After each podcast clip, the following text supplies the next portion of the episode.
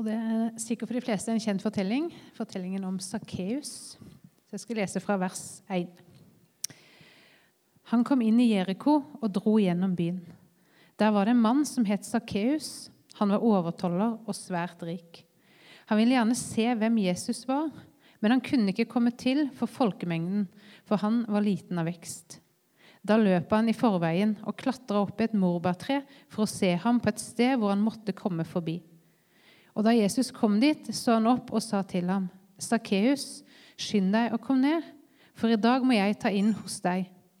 Han skyndte seg da ned og tok imot ham med glede.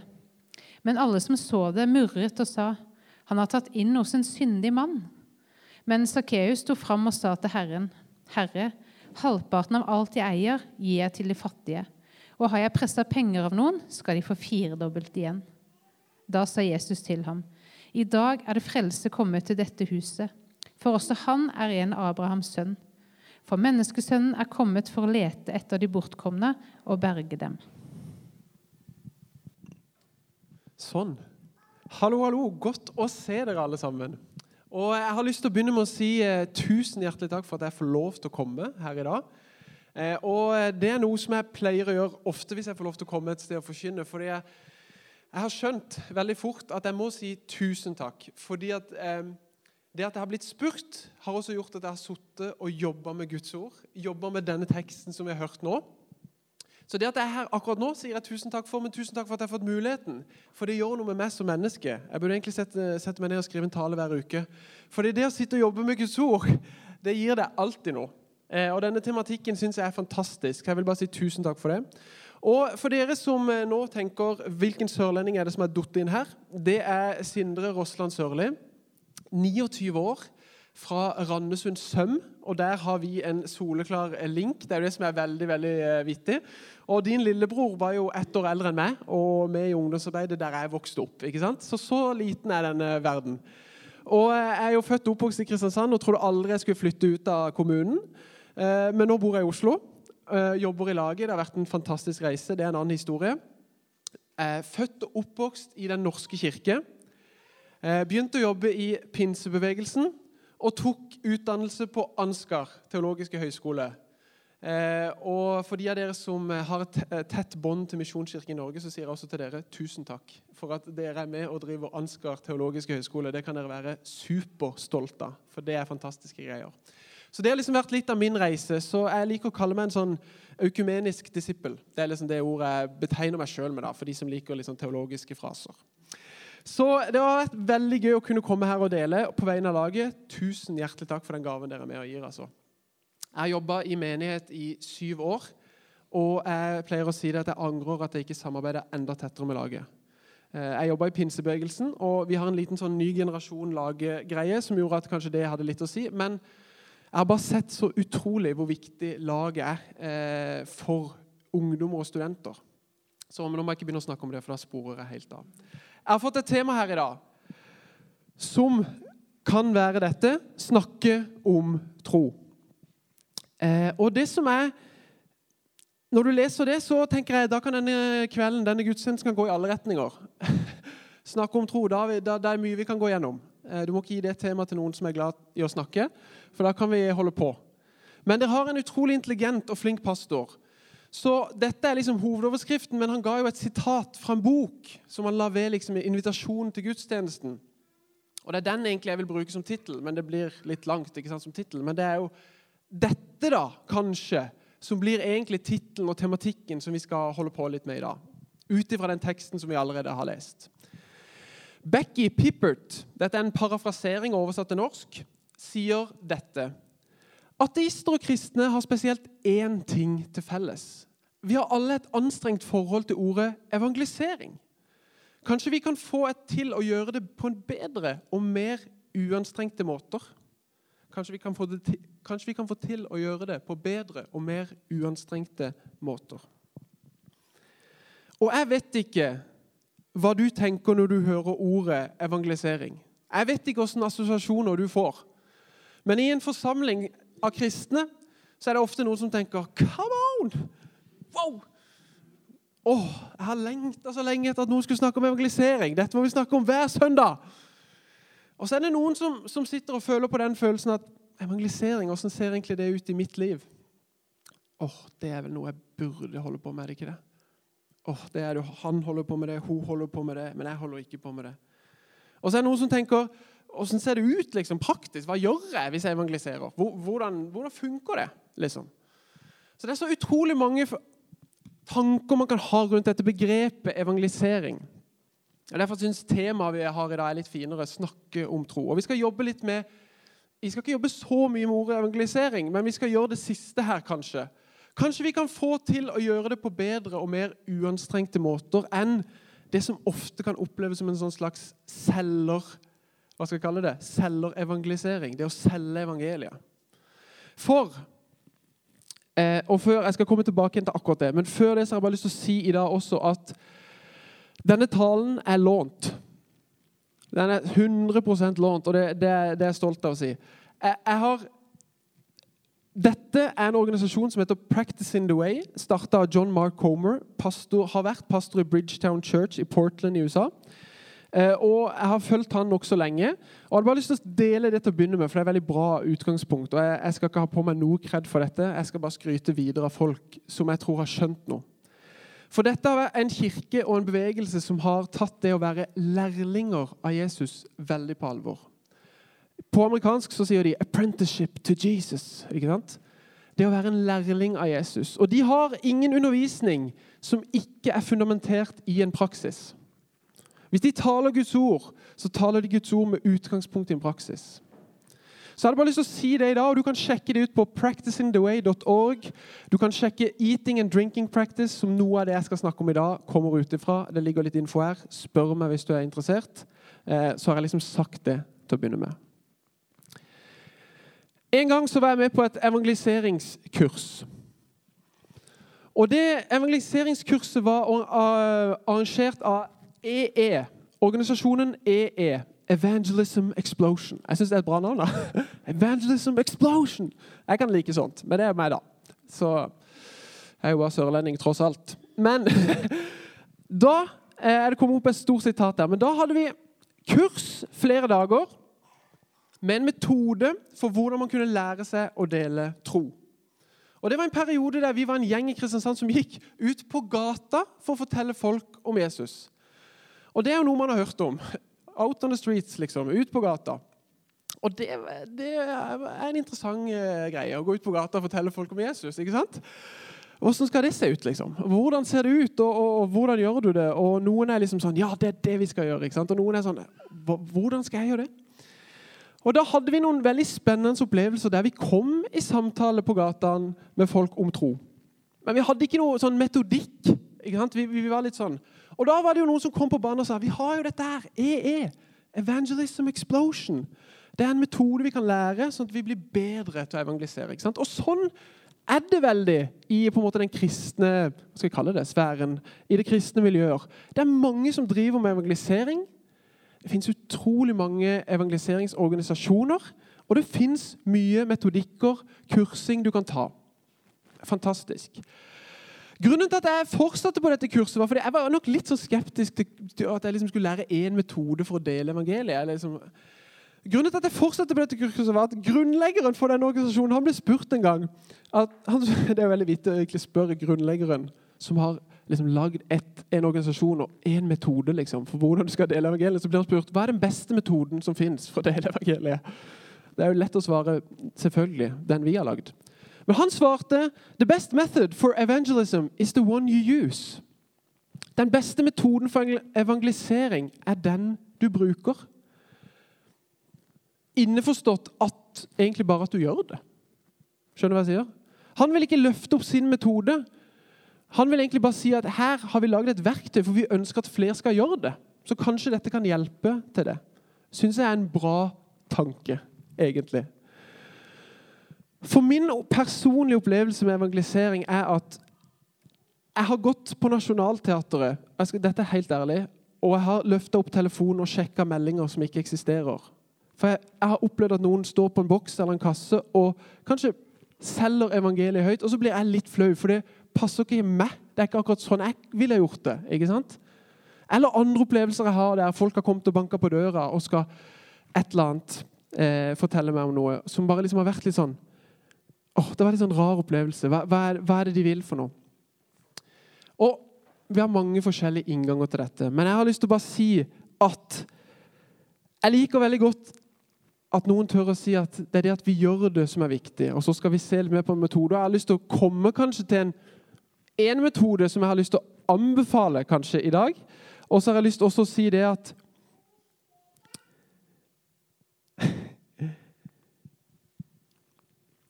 Det som har vært min største utfordring, er nok å se kjærligheten i den der direkte metoden som jeg sånn selger, som jeg sånn på. Og så er jeg åpen for at jeg kan forandre det synet, men det er liksom mitt utgangspunkt. Nå skal jeg gå videre her. For hvis det da har fantes mange metoder og mange måter å gjøre dette på, så har jeg lyst til å lansere i dag denne tanken. Og jeg, jeg bruker ordet metode, selv om jeg kanskje egentlig prøver å gå litt vekk fra det. Men det er det, er det beste ordet jeg fant. Men ditt spisebord, din metode. Og jeg skal ikke si så mye mer rundt det enn at jeg skal liksom la den henge litt.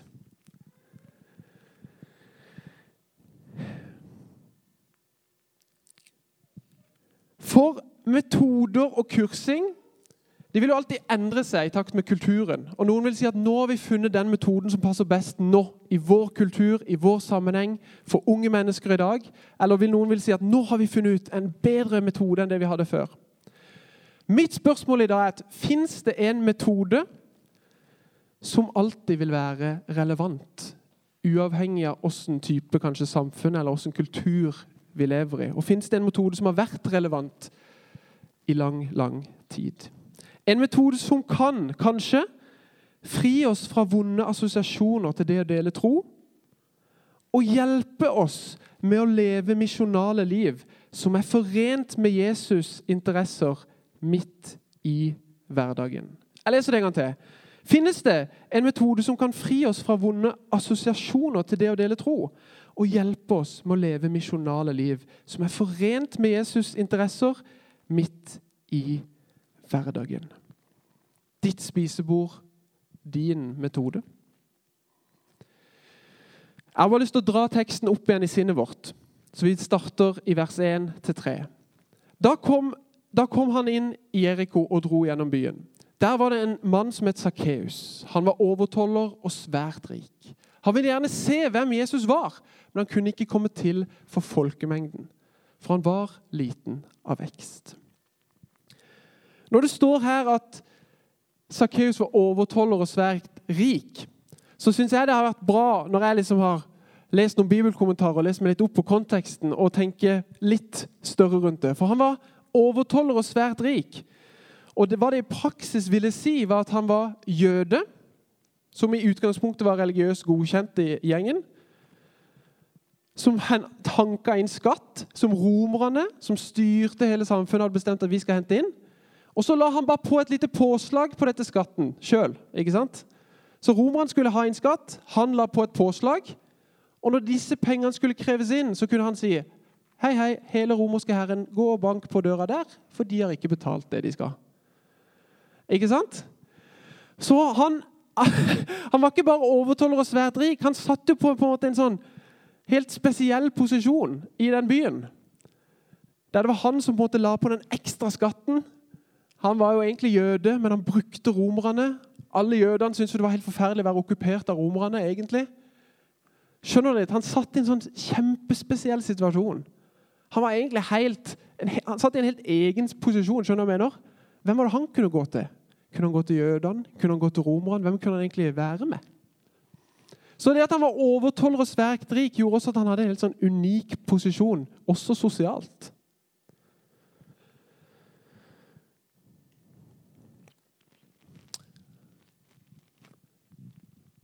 Da løp han i forveien og klatret opp i et morbærtre for å se ham på et sted hvor han måtte komme forbi. Og Da Jesus kom dit, så han opp og sa til ham, 'Sakkeus, skynd deg og kom ned, for i dag må jeg ta inn hos deg.' Han skyndte seg da ned og tok, ham, tok imot ham med glede. Men alle som så det, murret og sa, 'Han har tatt inn hos en syndig mann.'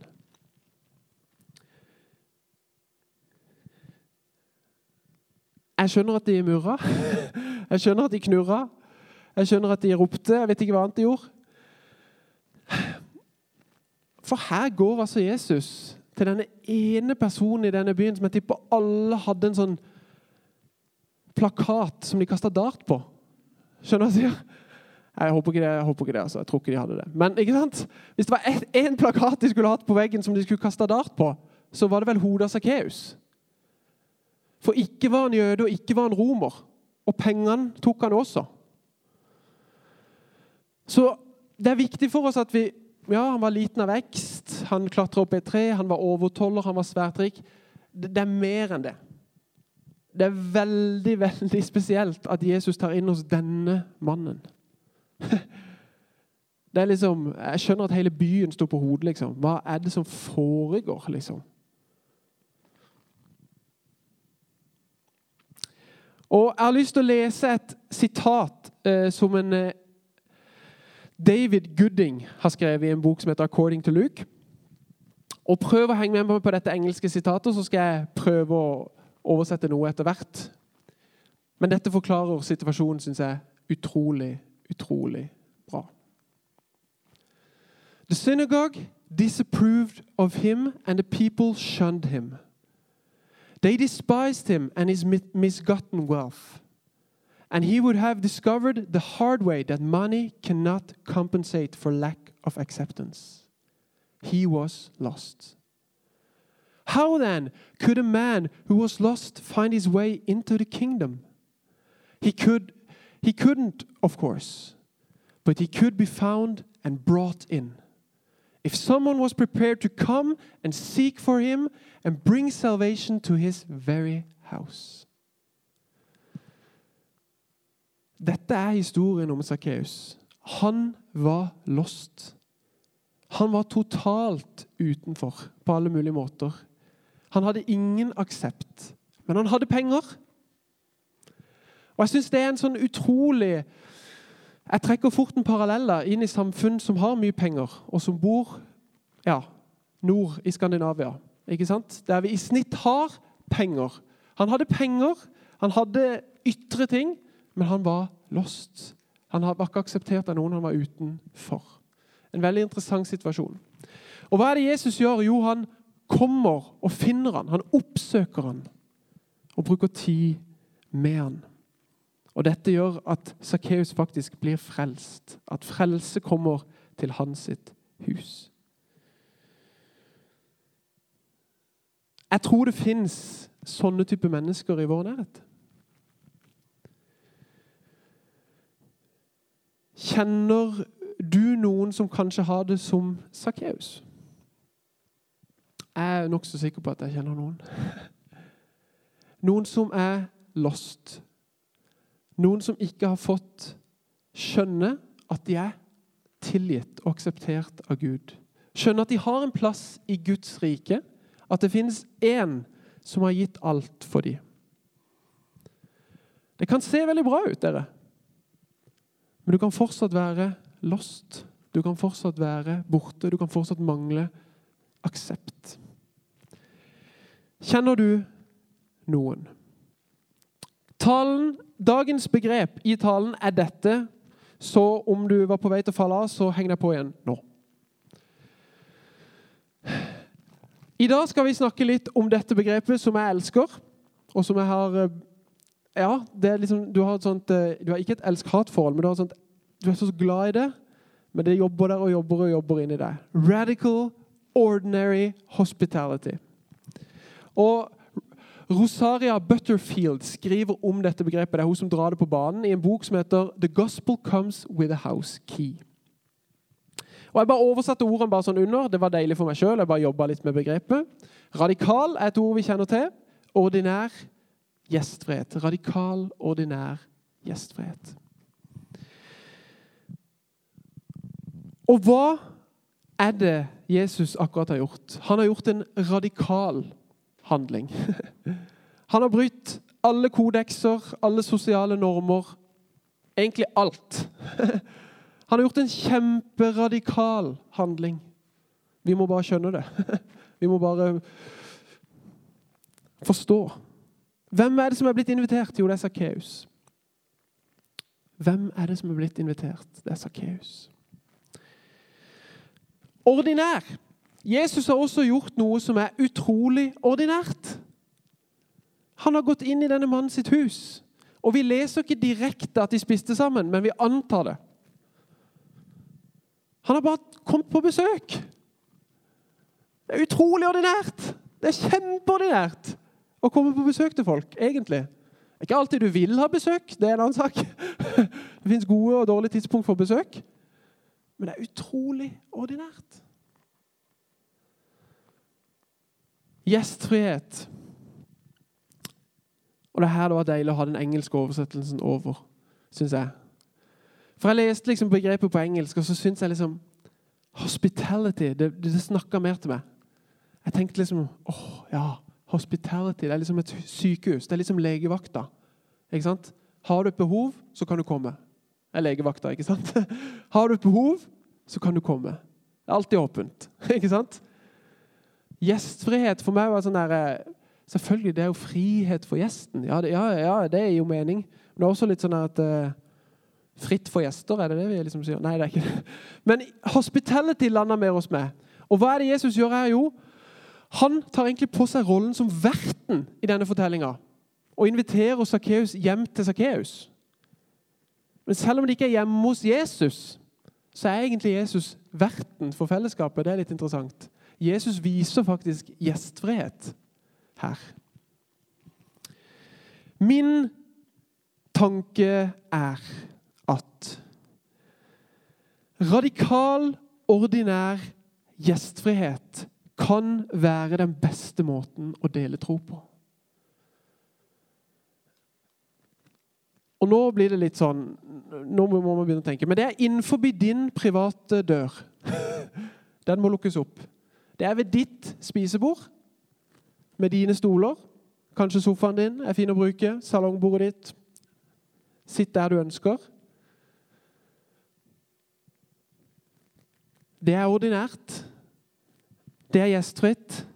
Og det kan være veldig radikalt. Avhengig av hvem som får lov til å sitte der. Og min tanke er at radikal ordinær gjestfrihet kan være det at kjærlighet og trosbekjennelse går hånd i hånd. For det jeg opplever, jeg savner når jeg går på Blinderen hver onsdag Det gjør vi faktisk en liten gjeng i laget og prøver å dele tro med folk. Vi prøver egentlig mest å bygge relasjon til folk, så vi kan komme i kontakt med dem og møte dem igjen. Mer enn vi prøver å dele tro alltid der og da. Men det jeg opplever at jeg mangler, er at de får et genuin følelse av at jeg bryr meg om dem. At jeg faktisk er glad i dem. At jeg faktisk har et ønske om at de skal ha det bra. Det er den delen jeg sliter med når jeg går ut og deler tro. Når jeg er litt i den gode, gamle EE-bobla mi. Evangelism Explosion. Men idet noen trør inn forbi døra mi, setter seg ned ved bordet mitt Det trenger ikke være mitt engang. Jeg kan ha fått det av mamma. Det er sånn vi gjør det. Da opplever jeg at jeg sier egentlig Vet du hva, jeg bryr meg om det. Du er en gjest i mitt hus. Du får lov til å komme her. Dette er et åpent sted for deg. Du skal til og med få mat. Jeg tror at dette her kan være ufattelig sterkt jeg tror dette kan være ufattelig bra for oss å tenke på. Jeg tror det kan være at kjærlighet og trosbekjennelse kan gå hånd i hånd. Og noen av de litt andre assosiasjonene vi har til det å bekjenne vår tro for noen som ikke tror, som kanskje føles langt borte fra tro, plutselig ikke blir så skremmende og langt borte fra oss. Det er blitt sagt om Lukas' evangelium. Det er Robert J. Carris som sier dette. Throughout the Gospel of Luke, Jesus is either going to a meal, at a meal, or coming from a meal. Hei! Den er fin. Det er noen som liker den veldig godt. De som liker mat. de tenker sånn Ho, Jesus! I'm a disciple. Jeg skal være en lærling, liksom. Det tenker de nå. Og jeg, jeg, liker egentlig ikke å ha sånne store lister i talene mine, men i dag blir det en liste. Vi skal gå gjennom den kjapt. Men bare sånn at ikke dette bare blir ett sitat, så gjør vi sånn, og så prøver vi kjapt å bare si det er ikke bare et sitat, det er også det vi kan lese i Lukas evangelium. For i kapittel to, og jeg går fort, men bare heng på Kapittel 2 Jesus blir født i et matfat. Det er litt ironisk. I kapittel 5 tolleren Levi og andre tollere lå til bords med Jesus. De lå, Det var det de gjorde på den tida. De satt ikke. ok? Kapittel 7. Jesus blir invitert til å spise i fariseernes hus. Synderinnen kommer på besøk plutselig. Vet ikke om hun pleide å komme til det huset, for å si det sånn, men hun kom og fikk lov til å komme inn og vaske Jesu føtter. I kapittel 9 metter Jesus 5000 foruten kvinner og barn. I kapittel 10 besøker Jesus Martha og Maria. I kapittel 14 måltid igjen hos en av de øverste fariserene. Og Da forteller Jesus en lignelse om det store gjestebudet om det å sitte til bords i Guds rike. I kapittel 15 så blir dette sitatet sagt. Denne mannen tar imot syndere og eter sammen med dem. Det er det fariserene og de skriftlærde som sier. Og den bortkomne sønnen er en lignelse som Jesus forteller om med måltid på slutten. I kapittel 19 så leser vi fortellingen om Sakkeus. Og i kapittel 22 så leser vi om først om påskelammet, påskemåltidet, og så innstiftelsen av nattverden. Og om ikke det var nok så har Jesus stått opp fra de døde, tro det eller ei. Og da er han på vei til Emmaus og møter Emmaus-vandrerne. Og det er mens de spiser sammen, at Skriften blir åpna for dem, og de skjønner hvem han er. Og Før Jesus forlater den jorda, så spiser han med disiplene sine. Wow. Wow. Jeg vet ikke om du har sett eh, TV 2-programmet 'Til bords med fienden'. Er det noen som har sett det programmet? Åh, det kom ut i 2012. Altså, jeg er jo ikke, ikke, Nå skal jeg ikke være frekk, men jeg er ikke den eldste her. Jeg trodde det var noen som liksom var, var, med meg der. I 2012 så ga Fredrik Gressvik, utenriksreporter eh, i TV 2, han tok med seg en som heter Tom Viktor Gausdal, som er kokk. Og så sa han nå skal vi gjøre noe kult. Nei, det, det vet jeg ikke om han sa. Men han sa i hvert fall nå skal vi gjøre noe sammen. Og Det programmet har to sesonger med fire episoder hver, tror jeg det til bords med fienden. Første episoden tror jeg er Midtøsten. Da skal israelere og palestinere sitte til bords over et måltid lagd av Tom Viktor Gausdal, som er en god kokk, der Fredrik Gressvik sitter i midten. En av de andre episodene så sitter de og Nå blir jeg nesten litt rørt, for det er vanvittig å tenke på, men de sitter i Ravan, jeg klarer ikke å si ordet engang, Rwanda. Ikke sant? Og de fleste av oss kjenner til historien om folkemord. Og Der sitter partene til bords over et måltid sammen med Fredrik Gressvik og Tom Viktor Gausdal. Jeg kunne fortsatt. Jeg vil anbefale deg, Det ligger enda på TV2 Sumo hvis du har det. Det er et interessant program å se. På denne lista så har også Jesus en del fiender som han sitter til bords med. Og en del mennesker som aldri man hadde tenkt kanskje at, at uh, jødenes konge og den store frelser skulle sitte til bords med. Det er radikalt. Det er radikalt. Så jeg har lyst til å peke på én ting som jeg bare synes er bra for meg. Det kan bli litt sånn biting, men for deg som, som liker helheten i evangeliene, så kan det være en fin ting. For det virker til å være to tydelige måter Jesus forteller om Guds rike på. Hvis han har religiøse kristne jøder ikke sant? De var ikke kristne på den tida enda, men du skjønner poenget. Hvis det var religiøse han snakka til, så virker det som at han samler en stor gruppe, og så taler han til alle samtidig. Men hvis det var de bortkomne, så virker det som at han oppsøker dem og deler et måltid med dem, eller er hjemme hos dem. Og det syns jeg er utrolig interessant. Og Vi skulle ikke snakke så mye, så mye om evangeliseringsmetoder, men det virker som Jesus talte og spiste til to ulike kategorier av mennesker. Og Det syns jeg er ekstremt interessant. Hvordan kan vi forene våre hjem med Jesu interesser i verden? Og Dette er inspirert av Edin Løvaas sitatet som dere har sikkert snakka litt om før. Kanskje ikke alle har fått det med seg. Men Edin Løvaas sier at en disippel er en som er forent med Jesus' interesser i verden. Et fantastisk sitat. Og Jeg har lyst til at dette skal henge som et sånt utfordrende spørsmål. og Hver gang jeg går forbi den sliden når jeg forbereder meg, så treffer det kroppen min. sånn direkte. Hvordan kan jeg forene hjemmet mitt med Jesus sine interesser i verden?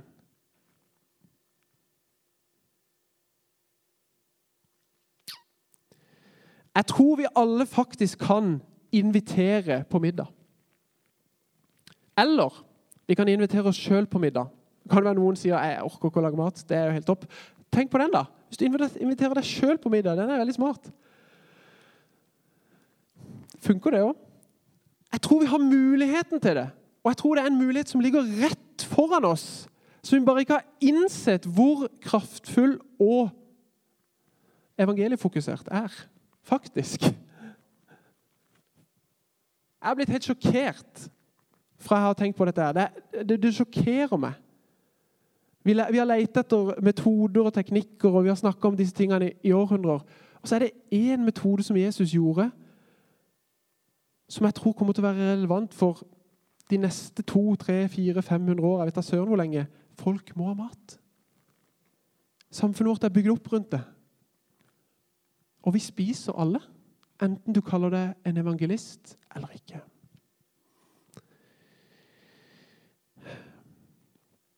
Det, det, eneste som jeg tror kan bli en utfordring her og det, Jeg skal ikke ta en ny tale i talen, jeg skal bare si det. Og Det er jo gøy å ha litt, bitte litt lagsfokus når vi, når vi er her fra laget. Bare kjempekort. Det som kan bli en utfordring, er at du opplever at du inviterer. Du har faktisk radical ordinary hospitality i ditt eget hus. Men du opplever at du ikke helt har språk for tro. Og Det har jeg bare lyst til å påpeke, for det kan være en utfordring som du blir stående ved. At du opplever at det er vanskelig å snakke om forskjellige ting rundt tro. Og da har jeg bare lyst til å si at Det dere var med og ga til nå Vi har et konsept i laget som heter Lagslunsj. Og For du som ikke kjenner det, så er det en 30 minutts samtale bibelstudie som har utrolig mange forskjellige tematikker. I dag har jeg med meg en som heter Motgang. Den har seks forskjellige samlinger, eller åtte. Mirakler og kors. og Det fins utallige. Du kan lete dette fram på nkss.no hvis du bare vil kikke på det, eller introdusere det for noen du kjenner. Disse lagslunsjene har for meg vært et av de beste verktøyene jeg har sett fungere for mennesker for å bare sette språk på ulike trosting. Ulike tematikker innenfor tro. For vi trenger som kristne å snakke om disse tingene for å kunne fortelle det til andre. Ikke sant? Og det er jo disse fellesskapene her, menigheten, lagd for. Å hjelpe oss til å oppmuntre hverandre, gi hverandre språk for de tingene som er lett å snakke om, og de tematikkene innenfor kristen tro som vi har berøringsangst på. For det fins også en del av de. Ikke sant? Og det er helt greit. Men jeg skal ikke gå videre med den tanken. men jeg sier bare at Det er det jeg tenker menighetens rolle er. Å hjelpe oss til å skape at vi får et språk på tro, sånn at vi kan leve i dette som vi har snakka om nå. Men Sikkeus sto fram og sa til Herren Herre, halvparten av alt det jeg gjør, gir jeg til de fattige. Og har jeg presset penger av noen, skal de få firedobbelt igjen. Da sa Jesus til han, i dag er frelse kommet til dette huset. For også han er en Abrahams sønn. For menneskesønnen er kommet for å lete etter de bortkomne og berge dem. Radikal, ordinær gjestfrihet. For meg er det frigjørende å tenke på. Det er utfordrende, men det er frigjørende. For, for litt for lenge har jeg sittet i en sånn der, ikke en tvangstrøye, men jeg har liksom vært klemt inn i en boks av det å dele tro ser sånn ut. Og det må jeg øve meg på på den måten. Jeg sier ikke at dette gir seg sjøl, men jeg sier at dette er en For meg åpner det bare muligheter. Jeg ser muligheter.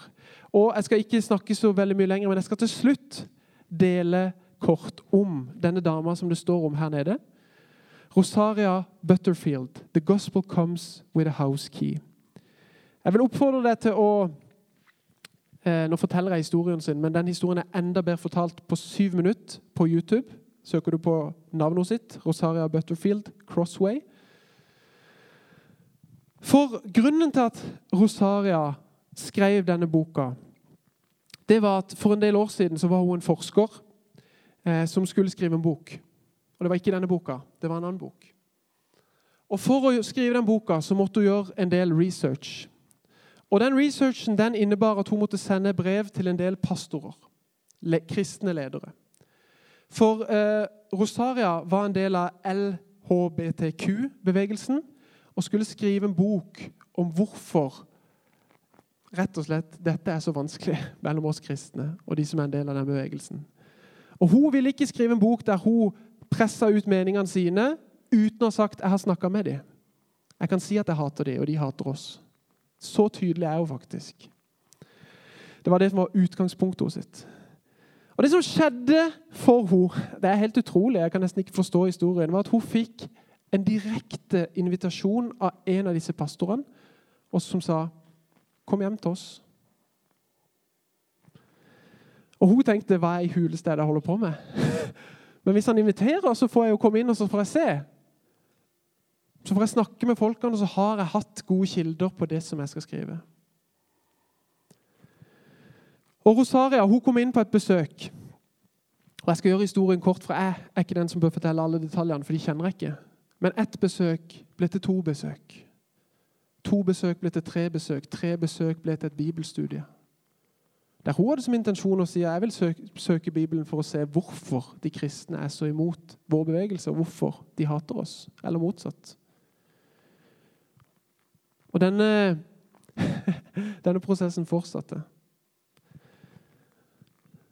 Og det Rosaria sier, er at det hun hadde opplevd fra LHBTQ-bevegelsen, var større gjestfrihet enn det hun fant hos kristne. Men her, hos denne pastoren og kona, hadde hun funnet større gjestfrihet enn det igjen. Hun hadde sett Jesus gjennom de sin radikale gjestfrihet for henne. Måten de åpner hjemmet sitt. Vi har forskjellige tanker, vi har forskjellige syn. Det er ikke nødvendigvis et likhetstegn mellom oss at vi skal spise middag sammen. Men det gjorde denne pastoren. Han inviterte. Og det er en utrolig utrolig historie. Jeg hadde lyst til at du skulle vite det. Det er, et, det er et utgangspunkt hos sitt. Det var ikke sånn der, bare en glansfortelling. Det var det ikke. Det forteller hun sjøl i denne videoen. Men hun endte opp faktisk med å bli frelst som Sakkeus. Hun var ikke over overtoller og svært rik, men hun hadde på en annen måte kommet bort fra Jesus. Kommet bort fra troa, kommet bort fra Guds rike. Og hun kom faktisk hjem igjen. Så er du interessert, så noter deg navnet, se videoen, les boka hvis du ønsker. Jeg kommer til en slutt, og jeg har lyst til å avslutte med en bønn. Kjære himmelske Far, jeg takker deg for at vi da har fått lov til å lese ditt ord. Til å bli kjent med en fortelling fra den tida da du, Jesus, gikk på denne jorda. her. Takk for at vi får lov til å se at du var helt radikal. At du oppsøkte disse menneskene som samfunnet så på som utskudd, utenfor, ikke akseptert, på veldig mange forskjellige måter. Takk for at du også satt til bords med dine fiender, de skriftlærde og fariserene som bare ville deg vondt. Takk for at du er et forbilde for oss som vi kan se til. Takk for at du har vist oss at måltidet den radikale, ordinære gjestfriheten kan skje rundt vårt spisebord, Herre. Jeg ber om at du styrker oss i troen på det. Hjelper denne forsamlinga som sitter ved bordene på sin gudstjeneste, til å oppmuntre hverandre, til å bygge en kultur, til å framelske det. At de sitt spisebord kan være de sin metode for at mennesker skal komme inn i ditt rike. Takk for at det kan være da trosbekjennelsen vår og kjærligheten går hånd i hånd når vi åpner hjemmene våre. Takk for at du elsker alle som er her, at du ser til de og de sine behov. I Jesu Kristi navn. Amen.